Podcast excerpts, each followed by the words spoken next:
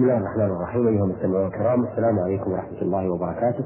وأهلا ومرحبا بكم في لقائنا هذا الذي يستضيف فيه فضيلة الشيخ محمد بن صالح العثيمين الأستاذ في فرع جامعة الإمام محمد بن سعود الإسلامية في القصيم وإمام خطيب الجامع الكبير بمدينة علم مرحبا بالشيخ محمد. مرحبا بكم. أهلا آه شيخ محمد بعد أن عرفنا أشياء كثير عن الحج آه ونسكه آه وعرفنا أيضا الإحرام وصفته. نود في هذا اللقاء أن نعرف ما هي محظورات الإحرام الحمد لله رب العالمين والصلاة والسلام على نبينا محمد وعلى آله وأصحابه أجمعين. محظورات الإحرام هي الممنوعات بسبب الإحرام يعني المحرمات التي سببها الإحرام. وذلك أن المحرمات نوعان محرمات في حال الإحرام وحال الحج. وإليها أشار الله بقوله فمن فرض فيهن الحج فلا رفث ولا فسوق ولا رجال في الحج. كلمة فسوق عامة تشمل ما كان الفسق فيه بسبب الإحرام وغيره وتشمل ما كان الفسق فيه بسبب الإحرام وغيره. ومحرمات خاصة سببها الإحرام. إذا تلبس الإنسان بالإحرام فإنها تحرم عليه وتحل له في حال الحل. فمن محظورات الإحرام الجماع وهو أشد المحظورات إثما وأعظمها أثرا.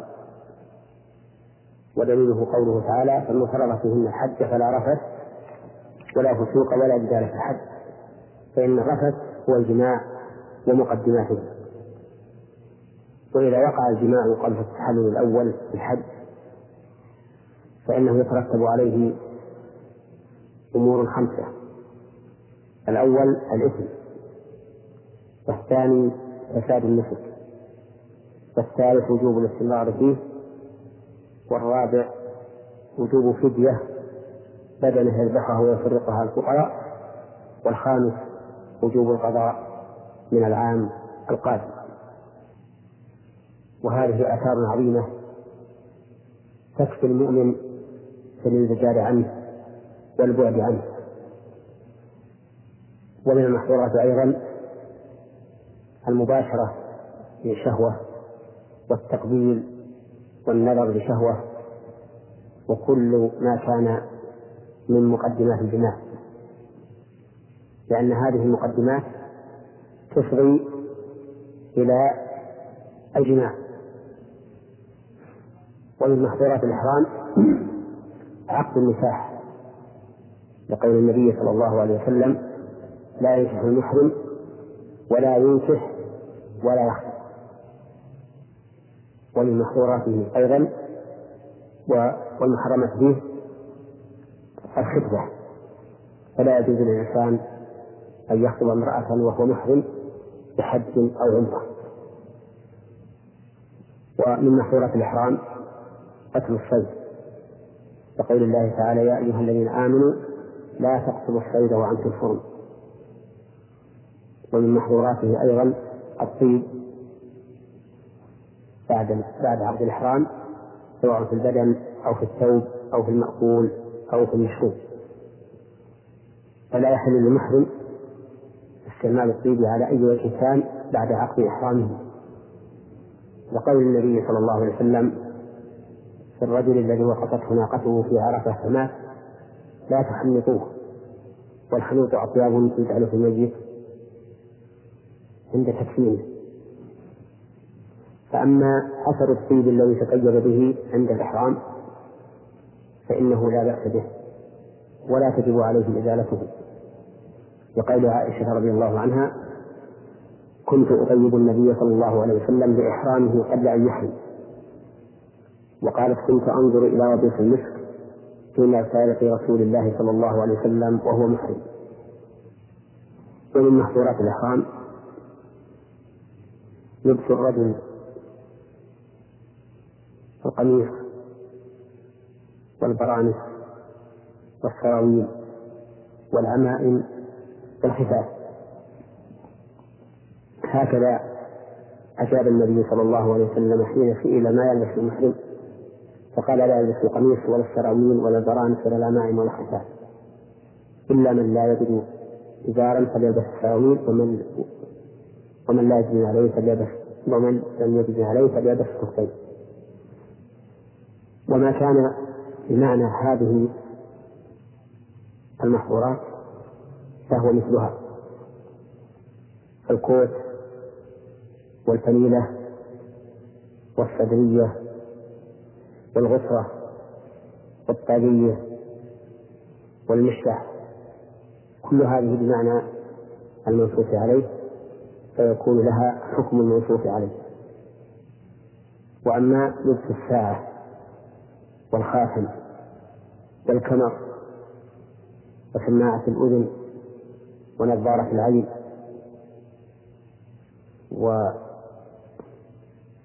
والكمر الذي تكون فيه الفلوس وما أشبهها فإن ذلك لا يدخل في المنهي عنه لا بالنص ولا بالمعنى. وعلى هذا فيجوز للمحرم أن يلبس هذه الأشياء. وليعلم أن كثيرا من العامة فهموا من قول أهل العلم إن المحرم لا يلبس المخيط أن المراد بالمخيط ما فيه خياطة. ولهذا تجدهم يسألون كثيرا عن لبس الكمر المخيط وعن لبس الإزار أو الرداء المرقع وعن لبس النعال المخوذة وما أشبه ذلك. ظنا منهم أن العلماء يريدون بلبس المخيط لبس ما كان فيه خياطة والأمر ليس كذلك وإنما مراد العلماء بذلك ما يلبس من الثياب المفصلة على الجسم على على العادة المعروفة. وتأمل قول رسول صلى الله عليه وسلم لا يلبس القميص ولا السراويل إلى آخره.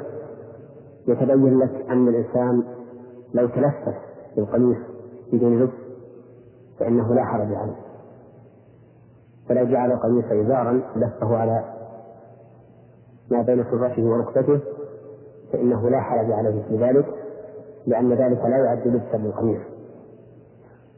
ومن المحرمات في الإحرام تغطية الرجل رأسه بملاصق معتاد كالطاقية والعمامة والغصة. فأما تضرير الرأس بالشمسية أو سقف السيارة أو بثوب يرفعه بيديه عن رأسه فهذا لا بأس به. لأن المحرم تغطية الرأس لا تضريره وقد ثبت عن النبي صلى الله عليه وسلم من حديث أم سفيان رضي الله عنها قالت رأيت النبي صلى الله عليه وسلم راكبا وأسامة وبلال أحدهما آخذ بخطام ناقته والثاني راكب ثوبه أو قال ثوبا يظلله به من الحر حتى رمى جمرة العقبة ولا يحكم على المحرم أن يحمل عفشه على رأسه لأن ذلك لا يراد بالتغطية وإنما المراد به الحمل. ومن محظورات الإحرام أن تنتقد المرأة أي تضع النقاب على وجهها. لأن النقاب لباس الوجه وقد نهى رسول الله صلى الله عليه وسلم المرأة أن تنتقد وهي محرمة فالمشروع للمرأة في حال الإحرام أن تكشف وجهها إلا إذا كان حولها رجال غير محارم لها فإنه يجب عليها أن تستر الوجه.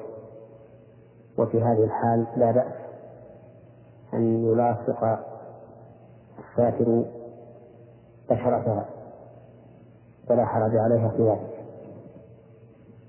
ومن محظورات الإحرام لبس الكفافين وهما جوارب اليدين.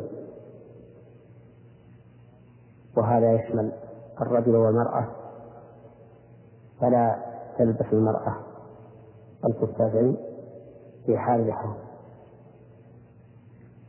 وكذلك الرجل لا يلبس القفازين لأنهما لباس. فهما كالخفين بالنسبة للرجل بالنسبة للرجل. آه قلتم شيخ محمد أنه لا يستر أو لا يضع على رأسه ملاصق كالغفره والطاقيه نعم. آه هل يشمل أيضا لو وضع مثلا قطعة ورق أو كرتون أو مثلا بطانية على رأسه؟ أي نعم. نعم يشمل هذا. ولهذا إذا احتاج إلى تبريد رأسه فليرفع هذا عن رأسه. قليلا حتى لا يباشره. نعم. أيضا قلتم بالنسبة للمرأة أنها لا تلبس البرقع ولكن إذا حضرها النقاب النقاب وهو البرقع طبعا. لا النقاب غير البرقع.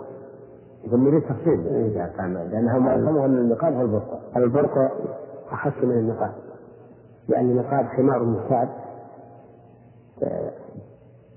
يتدلى من حمار رأسها ويفتح لعينيها أما البرقع فإنه قد فصل بالوجه خاصة نعم وغالبا يكون فيه من التدين والنقوش ما لا يكون في النقاط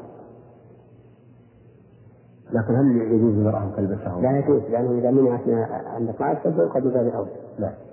أيضا قلتم إذا حضر الرجال فإنها تستر وجهها. هل تستر وجهها بالنقاب أم مثلا شيدة أو لا لا بغير النقاب تستره بشيء ليس بنقاب ولا برقع.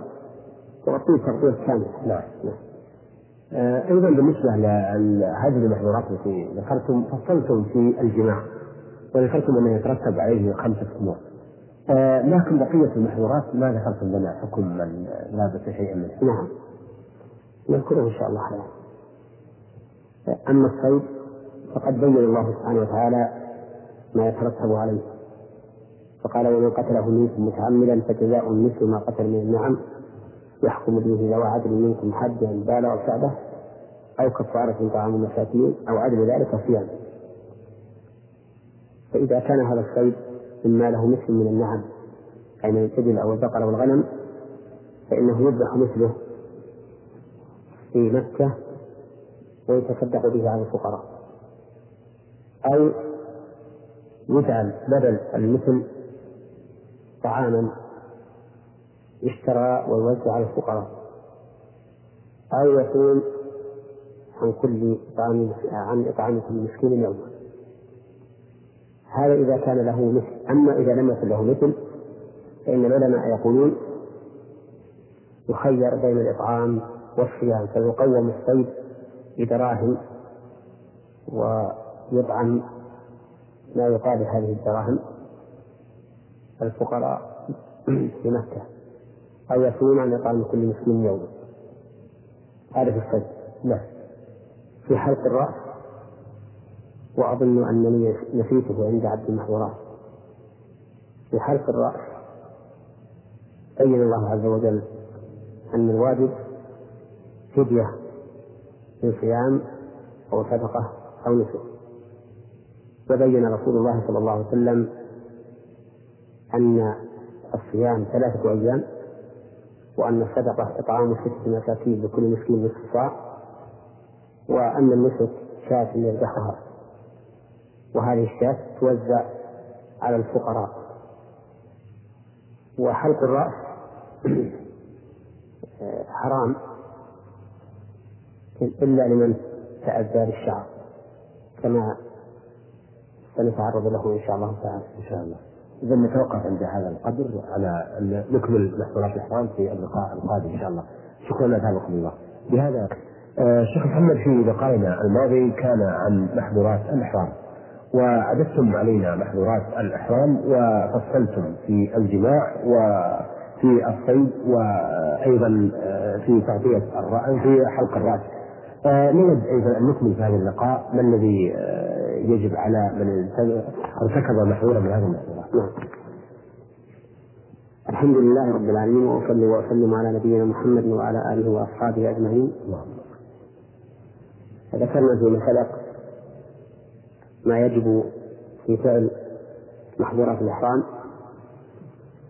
وذكرنا جزاء الصيد وذكرنا ما يجب في الجماع أيضا وذكرنا ما يجب وحلق الرأس. وأنه فدية من صيام أو صدقة أو نسك. والصيام بينه النبي عليه الصلاة والسلام بأنه صيام ثلاثة أيام. والصدقة بأنها إطعام ستة مساكين لكل مسكين نصف صاع والنصف ذبح شاة. وهذه الشاة توزع على الفقراء. ولا يدخل منها شيء لأنها وجبت جبرانا بالنسك حيث انتهك الإنسان فيه ما حرم عليه فيه. وهذه الفدية تسمى عند أهل العلم فدية الأذى لأن الله تعالى ذكرها في ذلك حيث قال ومن كان منكم مريضا أو به أذى من رأسه ففدية من صيام أو صدقة أو نسك. قال أهل العلم وهي واجبة في أعني فدية الأذى واجبة في كل محظور من محظورات الإحرام ما عدا الجماع قبل التحلل الأول في الحج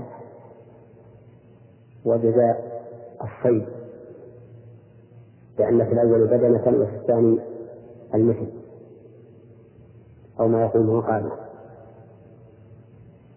فكل المحظورات عندهم ما عدا ما, ذكرنا.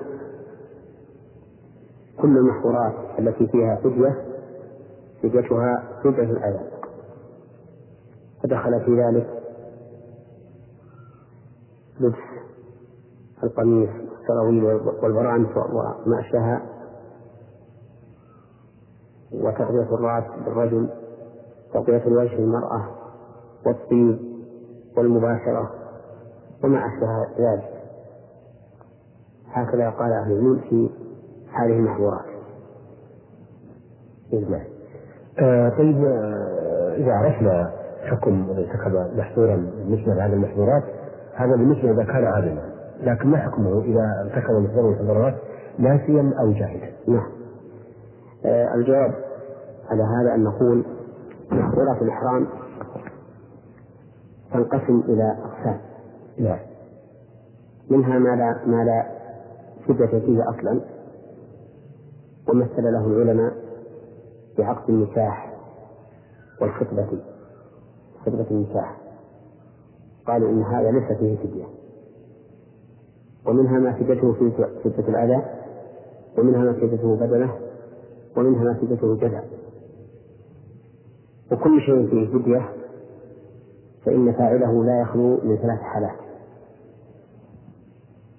إما أن يفعله عالما ذاكرا مختارا. وفي هذه الحال يترتب عليه الإثم وما يجب فيه من الفدية. وإما أن يفعله متعمدا عالما مختارا لكن بعذر. فهذا ليس عليه إثم ولكن عليه الفدية.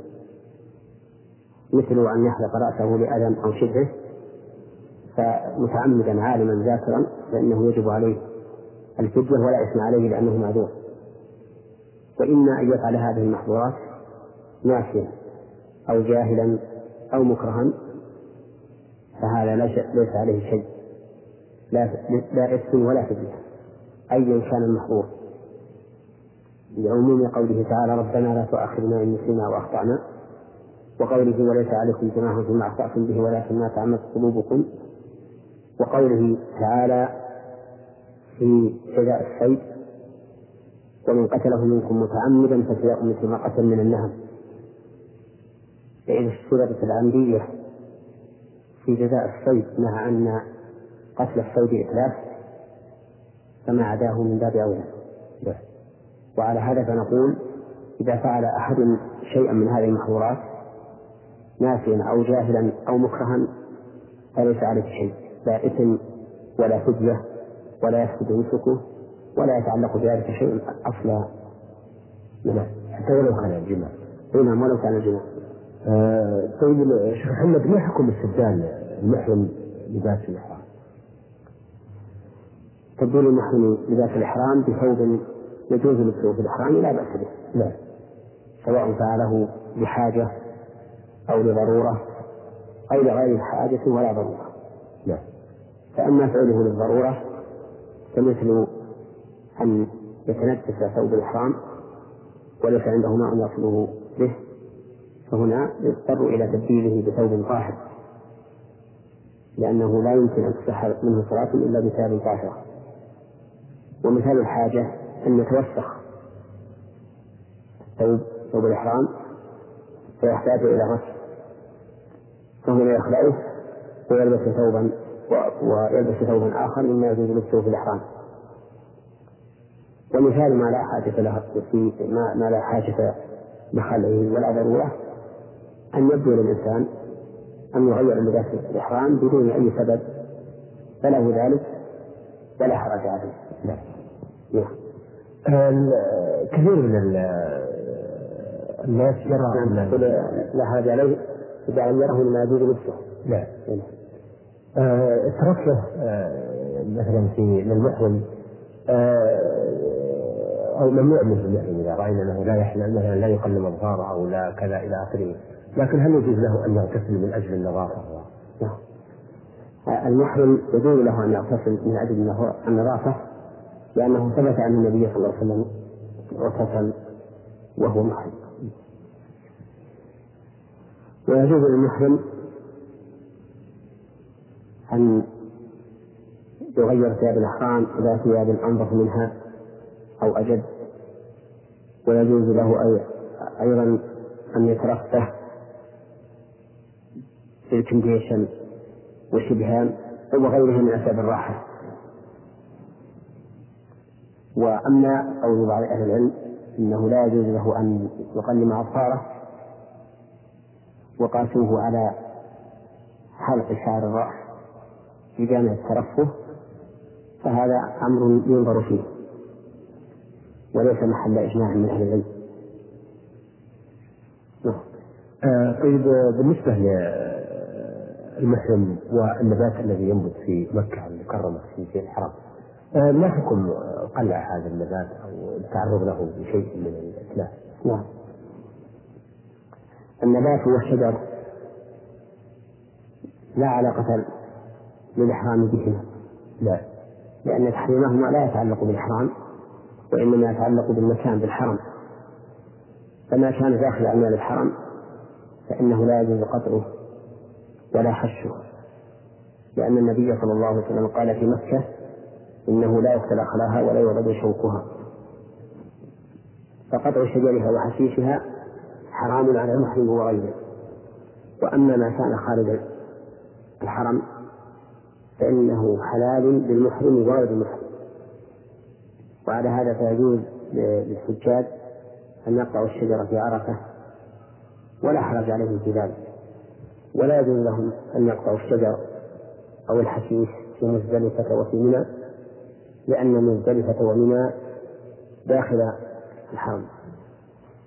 ويجوز للحجاج أن يروا البساط على الأرض ولو كان فيها أعشاب.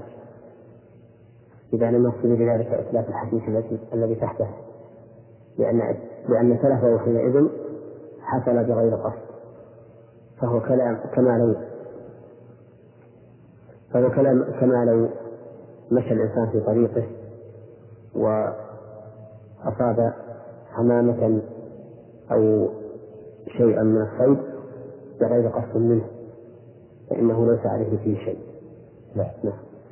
آه الشيخ محمد آه في لقاءاتنا الماضية تحدثتم عن الإحرام والتمتع على بصفة خاصة وذكرتم صفته وإذا جاء إلى البيت وطاف تحلل من العمرة آه وهنا ثم يبقى في مكة إلى أن يأتي يوم التروية نريد أن نعرف متى آه يحرم بالحج في يوم التروية ومن أي يوم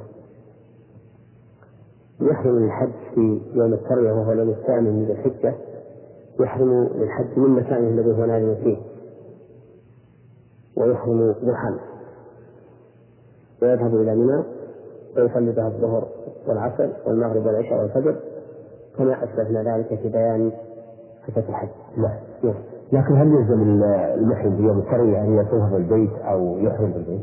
لا يلزم لا يلزمه أن يطوف بالبيت ولا أن يحرم من البيت ولا يسن له ذلك أيضا لأن الصحابة الذين حلوا من عمرتهم مع النبي صلى الله عليه وسلم أحرموا من مكانهم ولم يأمرهم النبي عليه الصلاة والسلام أن يذهبوا إلى البيت فيحملون أو أن يطوفوا قبل إحرامهم. نعم. عرفنا شيخ محمد في صفة الحج أن الحاج آه، يخرج إلى منى يوم الترو... آه، في اليوم آه، التاسع من ذي الحجة بحمل لكن لو لم يدرك الوقوف بعرفة إلا متأخر فما الحكم؟ فأولا عرفنا أن الإنسان في اليوم الثامن يخرج إلى منى ويبقى بها إلى صباح يوم التاسع ثم يذهب إلى عرفة. نعم.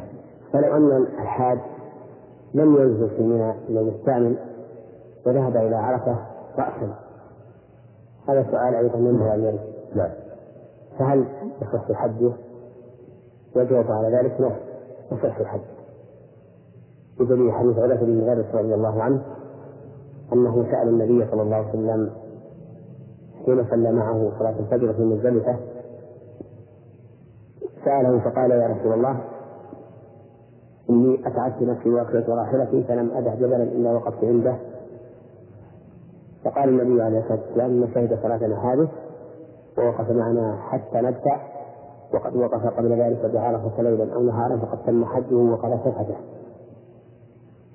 وهذا يدل على أنه لا يجب أن يبقى الحاج في منى في اليوم الثامن ولا التاسع. وأنه لو ذهب إلى عرفة رأسا لكان حجه صحيحا لكن الأفضل أن يبقى في منى من ضحى اليوم الثامن إلى أن تطلع الشمس من اليوم التاسع نعم. وأما سؤالكم الذي سألتم عنه وهو أنه لو لم يقف بعرفة إلا بعد الغروب هكذا؟ لا, لا أقول لا مثلا ما, ذهب إلى عرفة مبكرا نعم آه إذا لم يذهب إلى عرفة مبكرا ووقف بها قبل أن يطلع الفجر يوم العيد فقد تم حجه. نعم. يعني ينتهي الوقوف بعرفة بالفجر يوم العيد. شكرا لك الله. بهذا الشيخ آه، محمد في أول لقائنا هذا نود أن نعرف آه، متى يبدأ الوقوف مزدلفه ومتى ينتهي وما حكمه. الحمد لله رب العالمين وأصلي وأسلم على نبينا محمد وعلى آله وأصحابه أجمعين. الوقوف بمزدلفه الذي يعبر عنه أهل العلم بالمبيت بمزدلفه يبتدئ من انتهاء الوقوف بعرفة. ولا يصح قبله فلو أن حاجا وصل إلى مزدلفة في أثناء الليل قبل أن يقف بعرفة فوقف في مزدلفة ثم ذهب إلى عرفة ووقف بها ثم نزل من عرفة إلى منى فإن وقوفه بمزدلفة غير معتبر. نعم. لقول الله تعالى فإذا أفضتم من عرفات فاذكروا الله عند الحرام. فجعل محل بيت الله عند الحرام أو وقت بيت الله عند الحرام بعد الإفادة من عرفة فيبتدئ المكث في مزدلفة من انتهاء الوقوف بعرفة ويستمر إلى أن يصلي الإنسان الفجر ويقف قليلا إلى أن يكثر جدا ثم ينصرف إلى منى. ولكنه يجوز لمن كان ضعيفا لا يستطيع مزاحمة الناس في الرمي أن يدفع من مزدلفة في آخر الليل. لأن النبي صلى الله عليه وسلم أذن للضعاف من أهله أن يدفعوا في آخر الليل. وكانت أسماء بنت أبي بكر رضي الله عنها ترقب غروب القمر فإذا غرب دفعت وهذا أحسن من التحديد بنصف الليل. لأنه هو الوارد عن النبي صلى الله عليه وسلم وهو الموافق للقواعد وذلك أنه لا يجعل لا يجعل حكم الكل للنصف وإنما يجعل حكم الكل للأكثر والأغلب. وبهذا نعرف أن قول من قال من أهل العلم إنه يكفي أن يبقى في مزدلفة بمقدار صلاة المغرب والعشاء ولو قبل ولو قبل منتصف الليل. قول مرجوح. وأن الصواب الاقتداء برسول الله صلى الله عليه وسلم فيما فعله وفيما أذن فيه. لكن آه، شيخ محمد متى ينتهي الوقوف بمزدلفة بحيث أن الحاج لو أتى لا يعتبر واقفا بها؟ نعم. وظاهر حديث عروة بن مدرس رضي الله عنه الذي قال فيه الرسول عليه الصلاة والسلام من شهد صلاتنا هذه ووقف معنا حتى ندفع أن الإنسان لو جاء مزدلفة بعد طلوع الفجر وأدرك صلاة الفجر بغلس الوقت التي الذي صلاها فيه رسول الله صلى الله عليه وسلم فإنه يجزئه ومعروف عند الفقهاء رحمهم الله أنه لا بد أن يدرك جزءا من الليل بحيث يأتي إلى مزدلفة قبل طلوع الفجر نعم آه شيخ محمد ذكرتم في صفة الحج آه الأعمال التي يقوم بها الحاج يوم النحر ولا داعي أيضا لتكرارها هنا لكن آه أيضا أشرتم إلى أنه يبيت في آه، منى لكن ما حكم هذا المبيت في منى؟ هذا المبيت في منى ذكرنا فيما سبق أنه من واجبات الحج نعم وأن المعروف عند أهل العلم أن من ترك واجبا من واجبات الحج فعليه فدية ذبح شاة تذبح في مكة وتوزع على فقرائها. نعم. إيه. آه أيضا آه نحن نرى الكثير أو ولا إن شاء الله ليس الكثير لكن نرى بعضا من الناس آه يقلون من البقاء في منى ويخرجون خارجها ولا يأتون إليها إلا ساعات محدودة. فما هو المقدار الكافي للبقاء في منى أو المبيت في منى؟ المشروع للحاج أن يبقى في منى طول الوقت. هكذا سنة الرسول صلى الله عليه وسلم. والإنسان لم يتغرب عن وطنه ولم يتجشم المشاق إلا بأداء هذه العبادة العظيمة على وفق ما جاء عن رسول الله صلى الله عليه وسلم. لم يأتي من بلده إلى هذا المكان ليترفه ويسلك ما هو الأيسر مع مخالفته لهدي النبي صلى الله عليه وسلم. فالمشروع في حق الحاج أن يبقى في منى ليلا ونهارا. ولكن مقتضى قواعد الفقهاء أو مقتضى كلام الفقهاء أن الواجب أن يبقى في منى معظم الليل. في الليلة الحادية عشرة والثانية عشرة وأما بقية الليل والنهار وأما بقية الليل والنهار جميعه فليس بواجب عندهم أن يمكث في منى لا. ولكن ينبغي للإنسان أن يتقيد بما جاءت به السنة وأن يبقى في منى ليلا ونهارا والمسألة ما هي إلا يومان فقط بالإضافة إلى يوم العيد بل يوم ونصف وزيادة يسيرة مع يوم العيد نعم. آه أيضا الحاج وهو يبقى هذه الأيام في منى الحادي عشر والثاني عشر والثالث عشر لمن لا يريد أن يتعجل فما هي الآداب التي ينبغي أن يتحلى بها المسلم في أثناء بقائه في منى؟ الذي ينبغي أن ينتهز هذه الفرصة التعرف على أحوال المسلمين والالتقاء بهم وإساءة النصح إليهم وإرشادهم وبيان الحق. المبني على كتاب الله وسنة رسوله صلى الله عليه وسلم حتى ينصرف المسلمون من حجهم وهم قد أدوا هذه العبادة ونهلوا من العلم الشرعي المبني على كتاب الله وسنة رسوله صلى الله عليه وسلم. وإذا كان لا يحسن لغة من يخاطب فإنه يجعل بينهم وبينهم ترجمانا يكون أمينا عارفا باللغتين المترجم منها وإليها.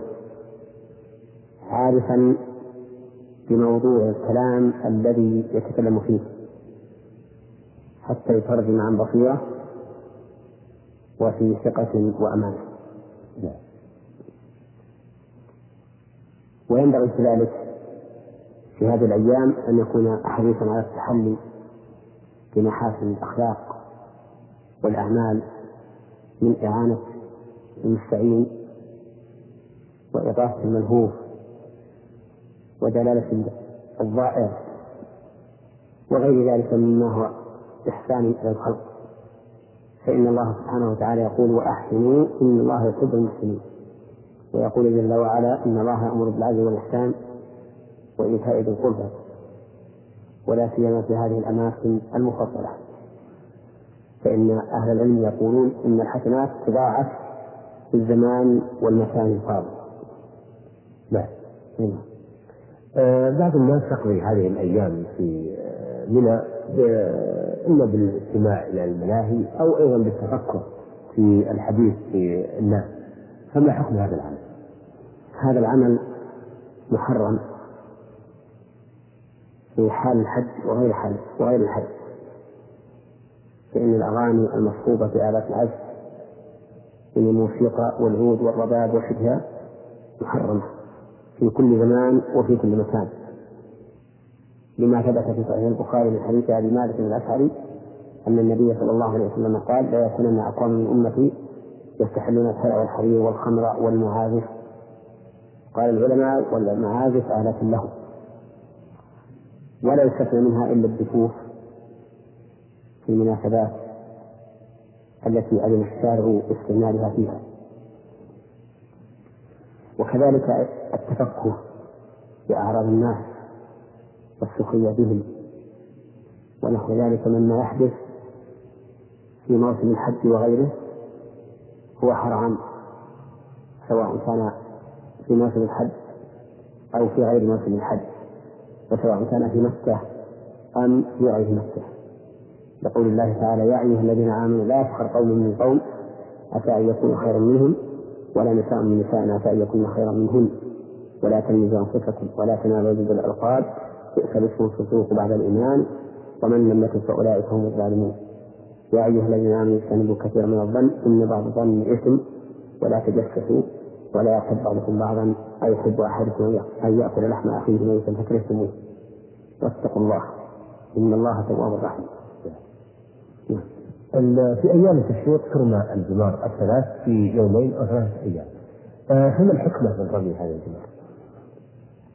الحكمة من رمي هذه الجمار بينها رسول الله صلى الله عليه وسلم في قوله إنما جعل الطواف بالبيت وبالصفا والمروة ورمي الجمار بإقامة بسم الله وفي رمي الجمار أيضا تحقيق في عبادة الله عز وجل فإنها فإن الإنسان يرمي هذه الجمار وهو لا يعرف حسبة بينة في رميها وإنما يفعل ذلك تعبدا لله وذكرا له.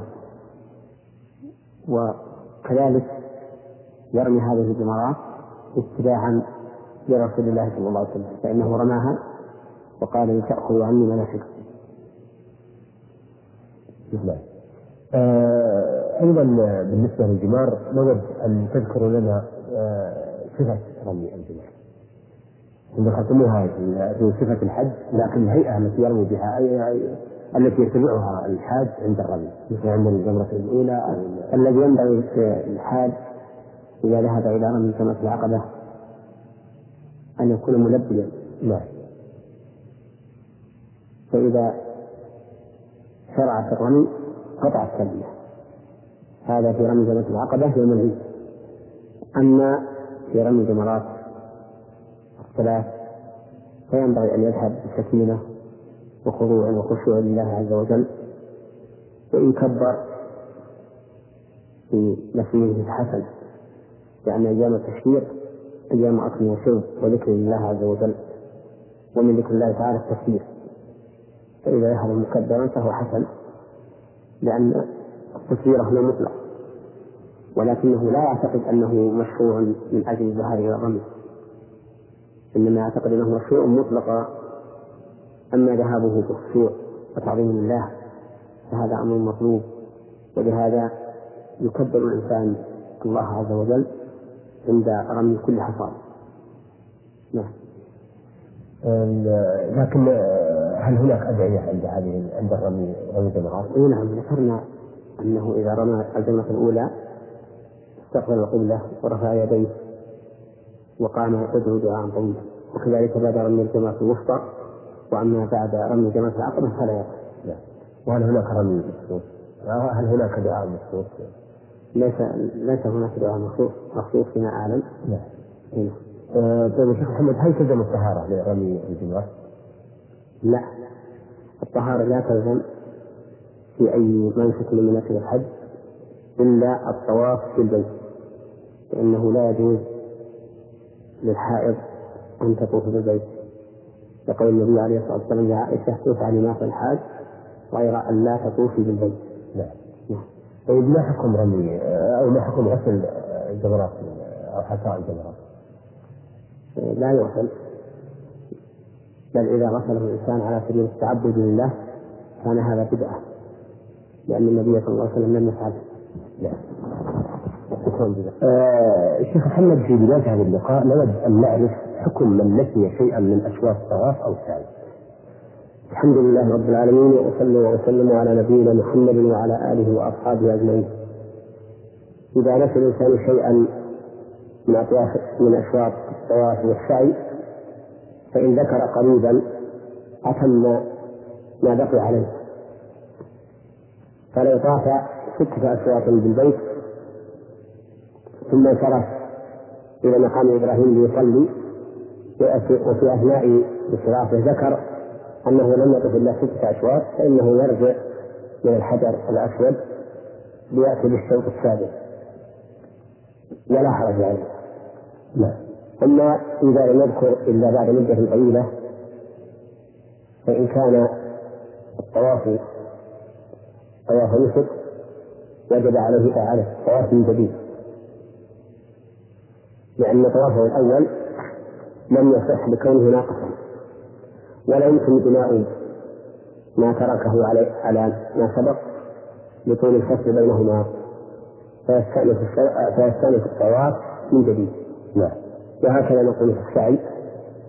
إنه إذا ليس شرطا من السعي فإن ذكر قريبا أتى بالشرط الذي نسيه وإن طال الفصل استأنفه من جديد. هذا إذا قلنا إن الموالاة في السعي شرط. أما إذا قلنا إنها ليست بشرط كما هو قول بعض أهل العلم فإنه يأتي بما نفي ولو الفصل. ولكن الأحوط الأحوط أن يبدأ بالسعي من جديد إذا طال الفصل لأن ظهور كون الموالاة شرطا أبلغ من عدم كونها شرطا. نعم. نعم. آه طيب لو أقيمت الصلاة وهو في الطواف أو السعي فماذا يفعل؟ إذا أقيمت الصلاة وهو في الطواف أو في السعي فإنه يدخل مع الجماعة وإذا انتهت الصلاة أتم الشوط من حيث وقع. نعم. ولا يلزمه أن يأتي به من من أول الشوط.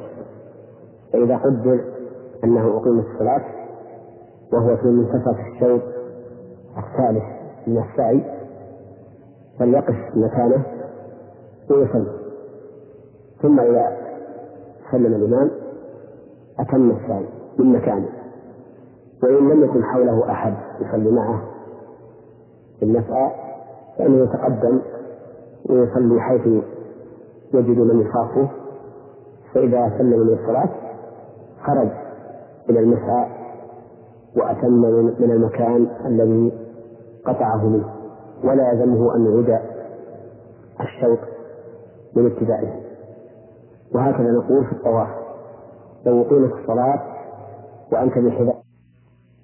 صلاة وهو في المسعى بين الصفا والمروة وهو على غير طهارة لأن عرفنا أنه يجوز عرفنا منكم أنه يجوز المسعى بدون طهارة نعم. فهل يجوز له أن يخرج خارج الحرم ليتوضأ ويرجع ويصلي مع الناس في طوافه؟ نعم لا بد أن يخرج إلى الميرعة ويتوضأ ويصلي مع الجماعة وفي هذه الحال إن كان الفصل طويلا استانف السعي وإن كان قصيرا لم يستأنف فإذا قدر أن الميرعة قريبة من المسعى ولم تستوعب وقتا وأنه من حينك أقيمت الصلاة فهذا زمن قليل فليتم السعي وأما إذا كان الزمن طويلا مثل أن تكون الميرعة بعيدة بحيث يكون الفاصل بين أجزاء السعي فاصلا طويلا فإنه يجب السعي من أوله. نعم. في أثناء الطواف يشاهد بعض الناس والقلة من الناس جدا يتمسحون بشيطان الكعبة وكتوتها وبالمقام والسجد فما حكم ذلك العمل؟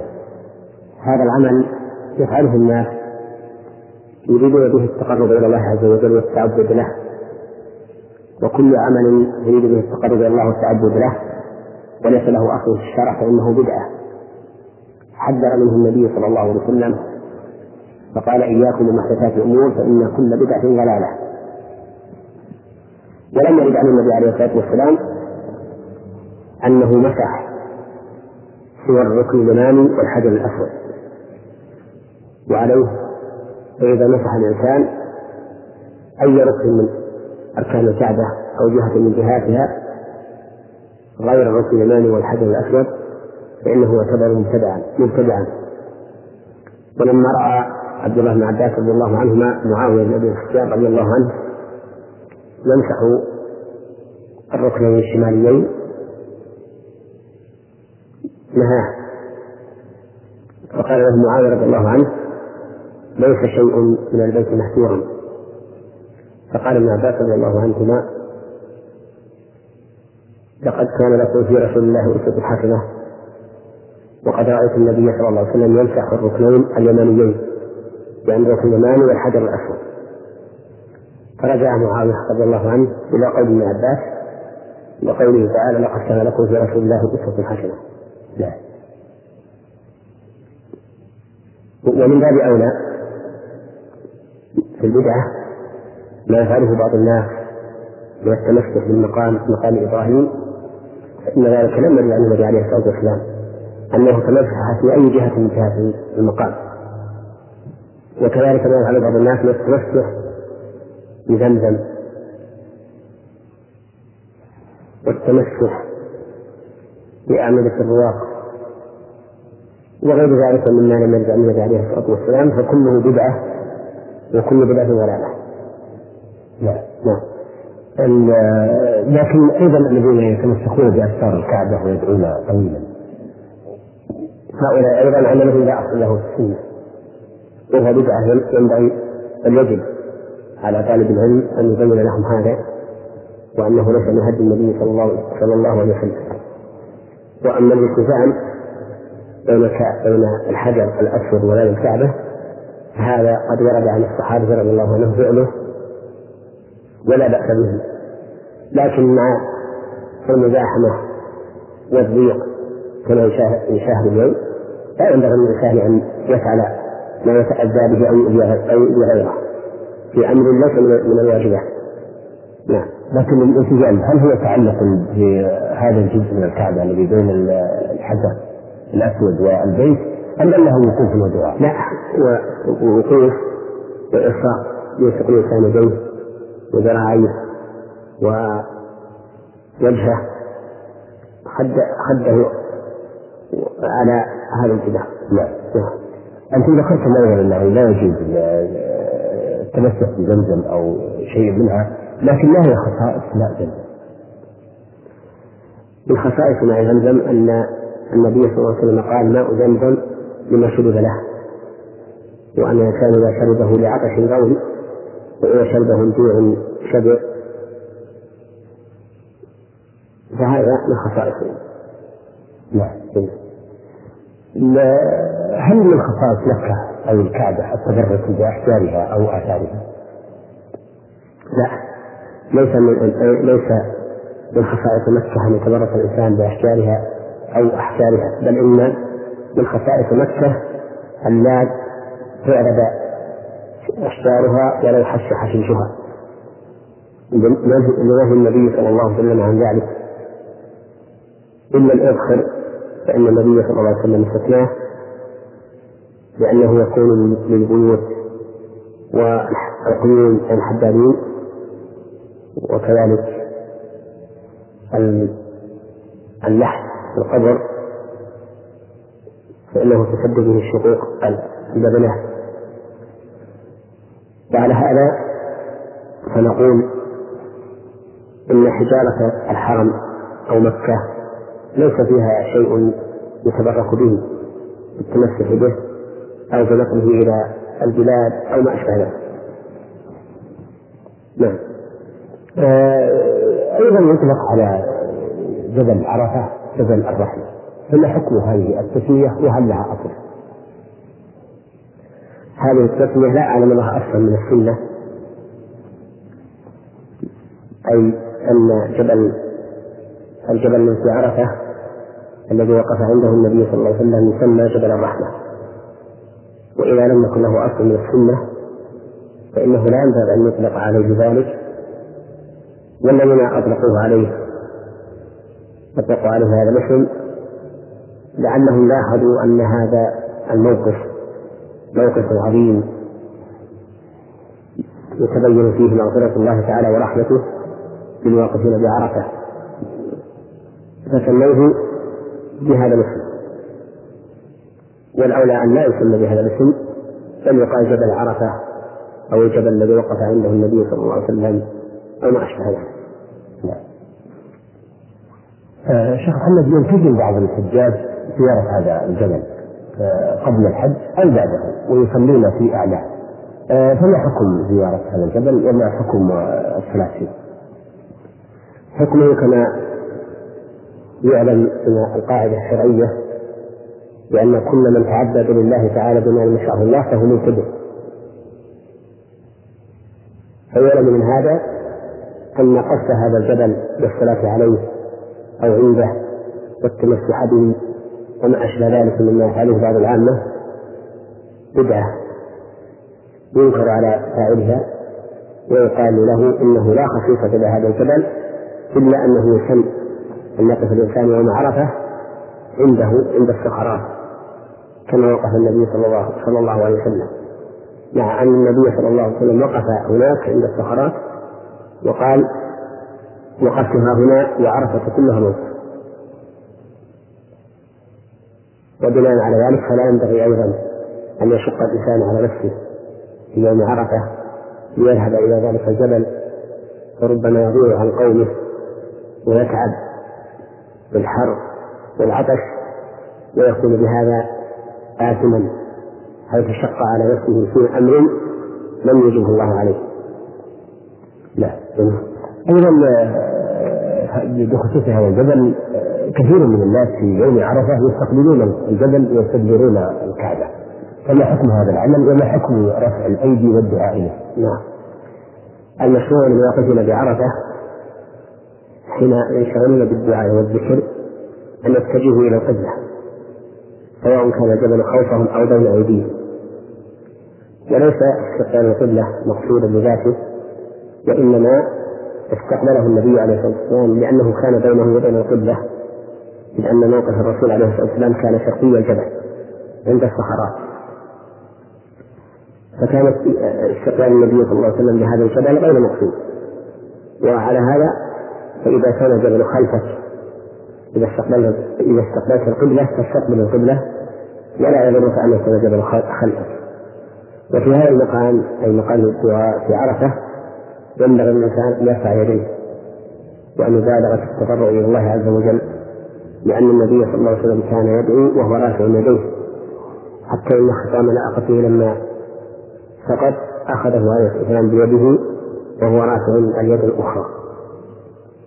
وهذا يدل على استحباب رفع اليدين في هذا الموضع وقد ورد عن النبي عليه الصلاة والسلام أنه قال إن الله حي كريم يستحيي من عبده إذا رفع يديه إليه ان يردهما صفرا. نعم. شكرا لكم الله. آه شيخ محمد آه هناك مواقف آه يقفها الحجاج وأمور يفعلونها في الحج وهذه المواقف الأمور يقع فيها أخطاء. ولعله من الترتيب أن نبدأ في الإحرام وما يقع فيه من أخطاء. إذا كان هناك أخطاء ترونها في الحمد لله رب العالمين وأصلي وأسلم على نبينا محمد وعلى آله وأصحابه أجمعين. وبعد فقبل أن أجيب على هذا السؤال أحب أن أبين أن كل عبادة لا بد لقبولها من شرطين. نعم. الشرط الأول الإخلاص لله عز وجل. بأن يقصد الإنسان في عبادته التعبد لله تعالى وابتغاء ثوابه ومرضاته فإن هذه هي الحال التي كان عليها رسول الله صلى الله عليه وسلم كما في قوله تعالى محمد رسول الله والذين معه أشداء على الكفار رحماء بينهم تراهم ركعا سجدا يبتغون فضلا من الله ورضوانه. وقال تعالى والذين صبروا ابتغاء وجه ربهم واقاموا الصلاة وانفقوا مما رزقناهم سرا وعلانيه ويدعون من حسنة السيئة أولئك لهم عقبى الدار. جنات عدن يدخلونها يدخلونها ومن صلح من آبائهم وأزواجهم وذرياتهم والملائكة يدخلون عليهم من كل باب سلام عليكم بما صبرتم. فنعم عقبى الدار. ولقوله تعالى وما أمروا إلا ليعبدوا الله مخلصين له الدين حنفاء ويقيموا الصلاة ويؤتوا الزكاة وذلك دين القيمة ولقول النبي صلى الله عليه وسلم إنما الأعمال بالنيات وإنما لكل امرئ ما نوى. فمن كانت هجرته إلى الله ورسوله فهجرته إلى الله ورسوله. ومن كانت هجرته إلى دنيا يصيبها أو امرأة يتزوجها فهجرته إلى ما هاجر إليه. ولقوله صلى الله عليه وسلم في الحديث القدسي عن الله تعالى أنه قال أنا أغنى الشركاء عن الشرك. من عمل عملا أشرك فيه معي غيري تركته وشركه. ولقوله صلى الله عليه وسلم لسعد بن بن أبي وقاص رضي الله عنه انك لن تنفق نفقه تبتغي بها وجه الله إلا اجرت عليها والآيات والأحاديث في هذا المعنى كثيرة جدا كلها تفيد أن أساس العمل الإخلاص لله عز وجل. وأما المتابعة لرسول الله صلى الله عليه وسلم فهي أيضا شرط لصحة العمل. كقوله تعالى وأن هذا صراط مستقيم فاتبعوه ولا تتبعوا السبل فتفرق بكم عن سبيله ذلكم وصاكم به لعلكم تتقون. ولقوله تعالى قل إن كنتم تحبون الله فاتبعوني يحببكم الله ويغفر لكم ذنوبكم. والله غفور رحيم. ولقوله تعالى وما آتاكم الرسول فخذوه وما نهاكم عنه فانتهوا. ولقول النبي صلى الله عليه وسلم من عمل عملا ليس عليه أمرنا فهو رد. وفي لفظ من أحدث في أمرنا هذا ما ليس منه رد ولقوله صلى الله عليه وسلم إياكم من محدثات الأمور فإن كل بدعة ضلالة. والآيات والحديث في هذا المعنى كثيرة جدا أيضا. وبناء على ذلك فإن كل من تعبد لله تعالى عبادة غير مخلص فيها فإنها باطلة. لفقد الإخلاص منها. وكل من تعبد لله تعالى بشيء يقصد به التعبد ولم يرد به ولم يرد به الشرع. فإن ذلك مردود عليه. لعدم المتابعة لرسول الله صلى الله عليه وسلم. وبناء على هذه القاعدة العظيمة أنه من شرط العبادة أن تكون خالصة لله موافقة لشريعته موافقة لشريعته وهي التي اتبع فيها رسول الله صلى الله عليه وسلم فإن هناك أخطاء يفعلها بعض المسلمين في عباداتهم. وما دمنا نتحدث في موضوع الحج. وما دام السؤال الذي ورد منكم يطلب به بيان الأخطاء في الإحرام. فإني أود أن أبين شيئا منها فمن ذلك ترك الإحرام من الميقات فإن بعض الحجاج ولا سيما القادمون بطريق الجو يدعون الإحرام من الميقات حتى ينزلوا إلى جدة مع أنهم يمرون به من فوق. وقد وقف النبي صلى الله وقد وقف النبي صلى الله عليه وسلم المواقيت لأهلها وقال هن لأهلهن ولمن أتى عليهن من غير أهلهن وثبت في صحيح البخاري عن عمر بن الخطاب رضي الله عنه أنه لما شكى إليه أهل العراق أن قدر المنازل التي وقتها رسول الله صلى الله عليه وسلم لأهل يد جور عن طريقهم. أي بعيده ميل ومائل عن الطريق. قال رضي الله عنه انظروا إلى حجمها من طريقكم. وهذا يدل على أن محاذاة الميقات كالمرور به. والذي يأتي والذي يأتي محاذ للميقات من فوق الطائرة كالماء به فعليه أن يحرم إذا حاذ الميقات نعم. ولا يجوز له أن يتعدى الميقات لينزل في جدة ويحرم منها. والطريق بتصحيح هذا الخطأ أن يغتسل الإنسان في بيته أو في المطار ويتأهب في الطائرة بلباس ثوب الإحرام وخلع ثيابه المعتادة. فإذا حال الميقات أحرم منه. فلبى بما يريد أن يحرم به من عمرة أو حج. ولا يحل له أن يؤخر ذلك إلى جدة فإن فعل فقد أخطأ وعليه عند جمهور أهل العلم فدية يذبحها في مكة وينفعها الفقراء لأنه ترك واجبا من الواجبات. الأمر الثاني مما يخطئ فيه بعض الناس أن بعض الناس يعتقد أنه لا بد أن يحرم بالنعلين وأنه إذا لم يكن النعلان عليه حين الإحرام فإنه لا يجوز له لبسهما وهذا خطأ فإن الإحرام النعلين ليس بواجب ولا شرط الإحرام ينعقد بدون أن يكون عليه النعلان ولا يمنع إذا أحرم من غير نعلين لا يمنع أن يلبسهما فيما بعد. فله أن يلبس النعلين فيما بعد وإن كان لم يحرم بهما. ولا حرج عليه في ذلك. ثالثا بل, بل رابعا أن بعض الناس يظن أنه لا بد أن يحرم بثياب الإحرام وتبقى عليه إلى أن يحل من إحرامه. وأنه لا يحل له تبديل هذه الثياب وهذا خطأ. فإن الإنسان المحرم يجوز له أن يغير ثياب الإحرام لسبب أو لغير سبب إذا غيرها إلى شيء يجوز لبسه في الإحرام. ولا فرق في ذلك بين الرجال والنساء. كل من أحرم بشيء من ثياب الإحرام وأراد أن يغيره فله ذلك. لكن أحيانا يجب عليه تغييره كما لو تنجس بنجاسة لا يمكن غسله إلا بخلعه وأحيانا يكون تغييره أحسن إذا تلوث تلوثا كثيرا بغير نجاسة فينبغي أن يغيره إلى ثوب نظيف أو إلى ثوب إحرام نظيف وتارة يكون الأمر واسعا إن شاء غير وإن شاء بدل المهم أن هذا الاعتقاد غير صحيح وهو أن أن يعتقد الحاج أنه إذا أحرم بثوب لا يجوز له خلعه حتى يحل من إحرامه. والخامس أن بعض الناس يبتدعون بالإحرام من حين الإحرام أي من حين عقد النية. والابتداء أن يخرج الإنسان كتفه الأيمن ويجعل طرفي الرداء على كتفه الأيسر.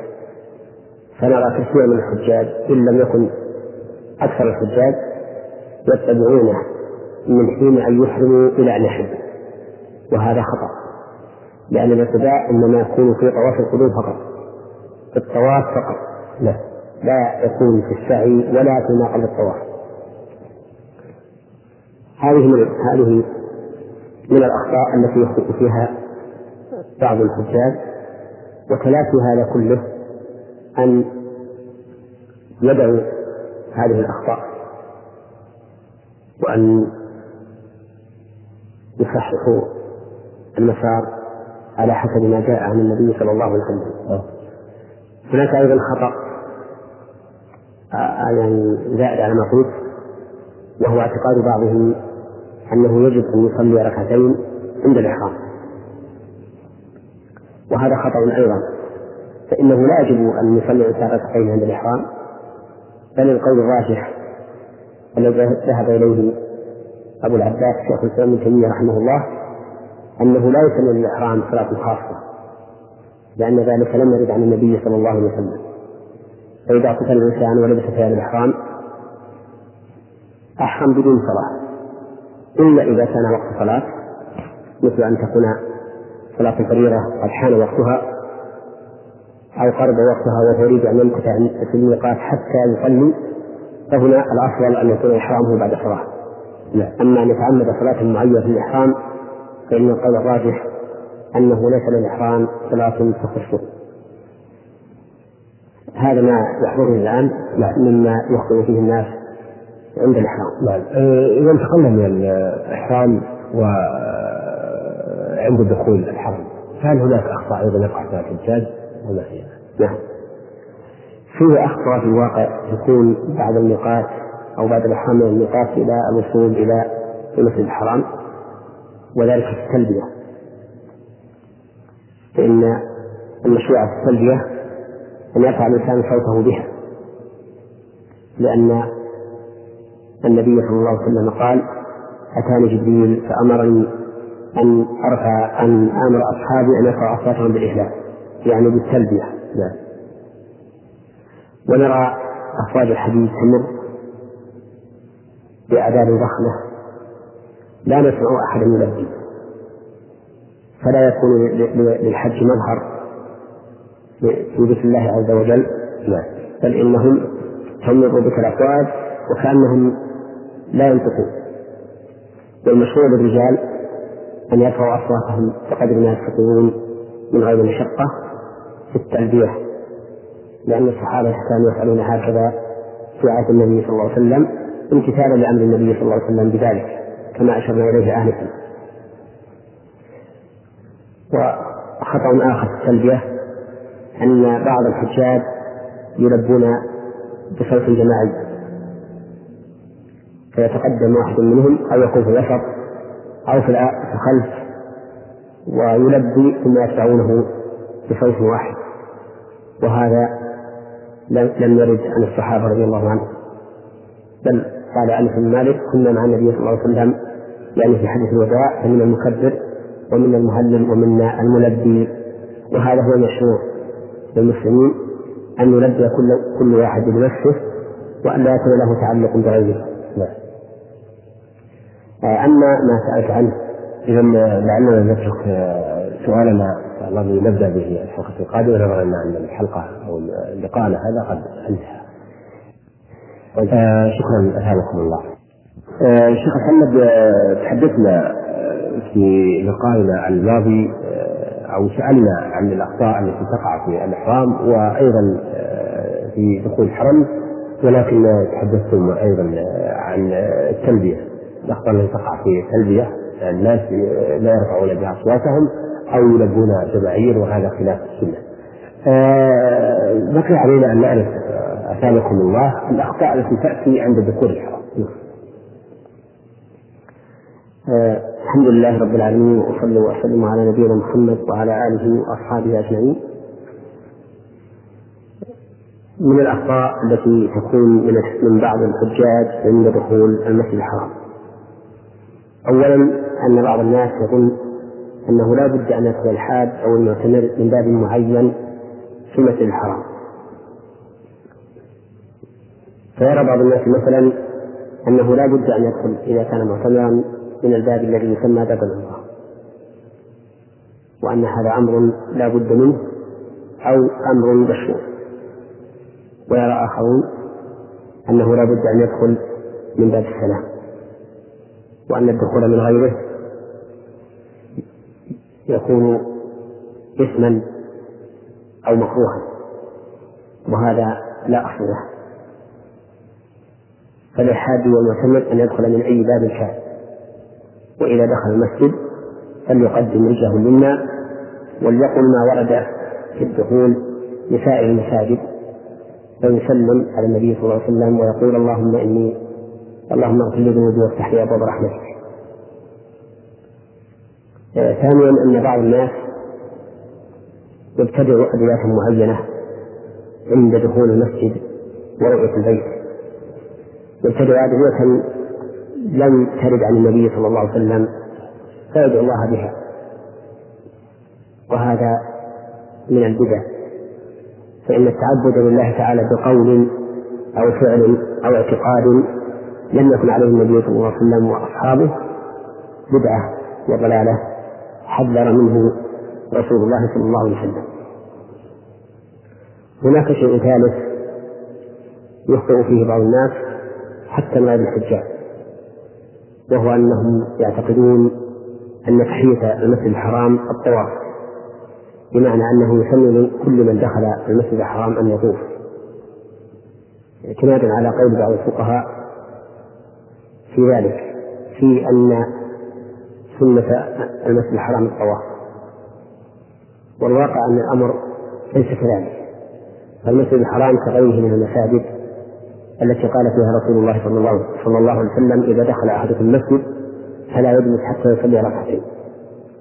ولكن إذا دخلت المسجد الحرام للطواف سواء كان الطواف طواف نسك طواف العمرة والحج أو كان طوافا تطوع طواف التطوع كالأطوفة في غير النسك فإنك يجزئك أن تطوف وإن لم تصلي ركعتين.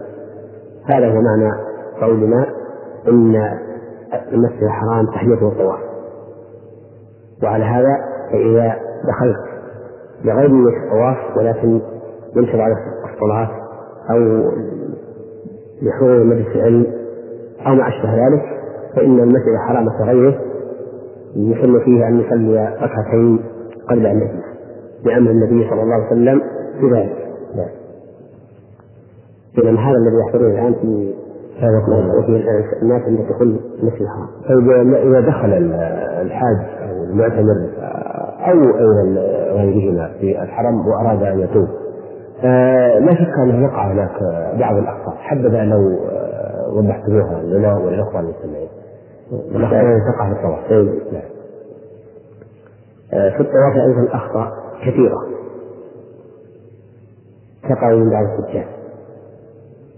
أو غير الحجاج.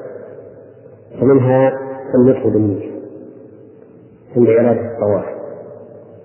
تجد الحاج يقف يستقبل الحجر إذا أراد الطواف ويقول اللهم إني نويت الطوف سبعة أشواط العمرة اللهم إني الطوف سبعة أشواط الحج اللهم إني نويت أن أطوف سبعة أشواط تقربا إليك وما أشبه هذا لا والتمثل بالنية بدعة.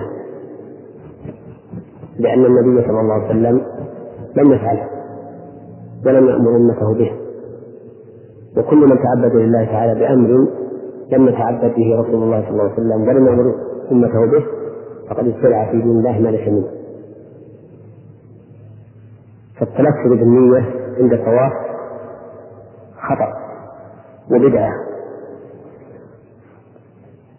وكما أنه خطأ من ناحية الشرع فهو خطأ من ناحية العقل. فما الداعي إلى أن تلفظ بالنية مع أن النية بينك وبين ربك؟ والله سبحانه وتعالى عالم بما في الصدور. وعالم بأنك سوف تطوف. هذا الطواف وإذا كان الله تعالى عالم بذلك فلا حاجة أن تظهر هذا لعباد الله. فإن قلت أنا أقوله بلساني ليطابق ما في قلبي. قلنا العبادات لا لا تثبت في الأقدسة والنبي عليه الصلاة والسلام قد طاف قبلك ولم يتكلم بالنية عند طوافه. والصحابة رضي الله عنهم قد طافوا قبلك ولم يتكلموا بالنية عند طوافهم ولا عند غيرهم من العبادات. هذا خطأ. الخطأ الثاني آه الخطأ الثاني أن بعض الطائفين يزاحم مزاحمة شديدة عند استلام الحجر وركن اليمان مزاحمة يتأذى بها ويؤذي غيره. مزاحمة قد تكون مع امرأة ويحصل في قلبه إذا نزره من الشيطان نزر يحصل في قلبه شهوة. عندما يزاحم المرأة في هذا المقام الضنك والإنسان بشر قد تستولي عليه النفس الأمر بالسوء فيقع في هذا الأمر المنكر بيت الله عز وجل. وهذا أمر يكبر ويعظم باعتبار مكانه. كما أنه فتنة في أي موضع كان والمزاحمة الشديدة عند سلم الحجر أو ركن اليماني ليست مشروعة بل إن تيسر لك بهدوء فذلك المطلوب وإن لم يتيسر فإنك تشير إلى الحجر الأسود أما الركن اليماني فلم يرد عن النبي صلى الله عليه وسلم أنه أشار إليه. ولا يمسك رأسه على الحجر الأسود لأن الحجر الأسود أعظم منه والحجر الأسود ثبت عن النبي صلى الله عليه وسلم أنه أشار إليه. نعم. والمزاحمة كما أنها غير مشروعة في هذه الحال وكما أنه يخشى منها فتنة فيما إذا كان الزحام مع امرأة فهي أيضا تحدث تشويشا في القلب والفكر.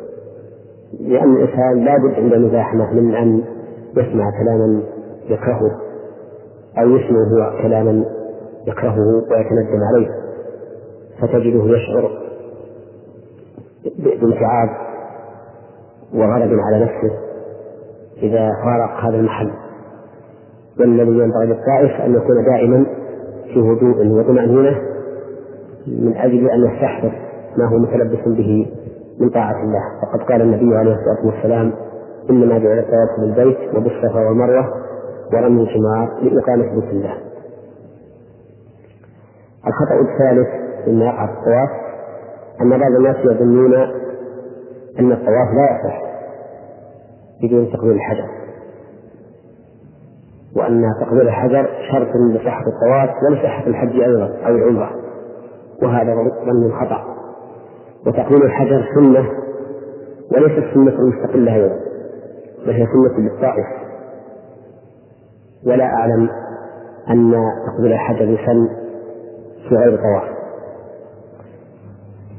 وعلى هذا فإذا كان تقبيل الحجر سنة وليس بواجب ولا بشرط فإن من لم يقبل الحجر لا نقول إن طوافه غير صحيح. أو أن أو أن طوافه ناقص نقصا يأثم به. بل طوافه صحيح. بل نقول إنه إذا كان هناك مزاحمة شديدة فإن الإشارة أفضل من من الاستلام لأنه هو العمل الذي فعله الرسول عليه الصلاة والسلام عند الزحام.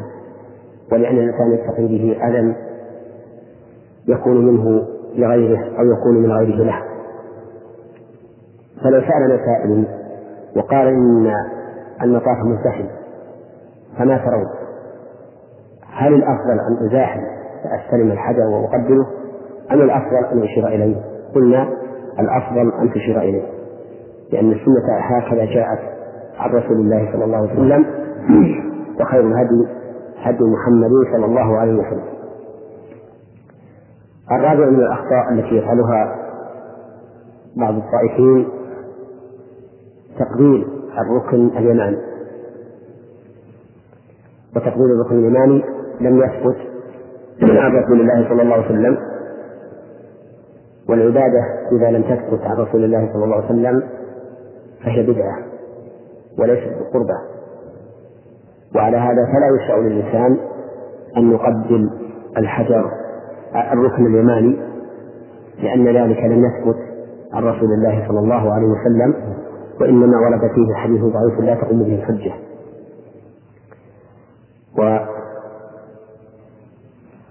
وكذلك أيضا نجد بعض الناس عندما يمسح الحجر الأسود أو الركن يمسحه بيده اليسرى كالمتهاون به وهذا خطأ فإن اليد اليمنى أشرف من اليد اليسرى واليد اليسرى لا تكون أو لا تقدم إلا للأذى كالاستنجاء بها والاستجمار بها والانتخاط بها وما أشبه ذلك.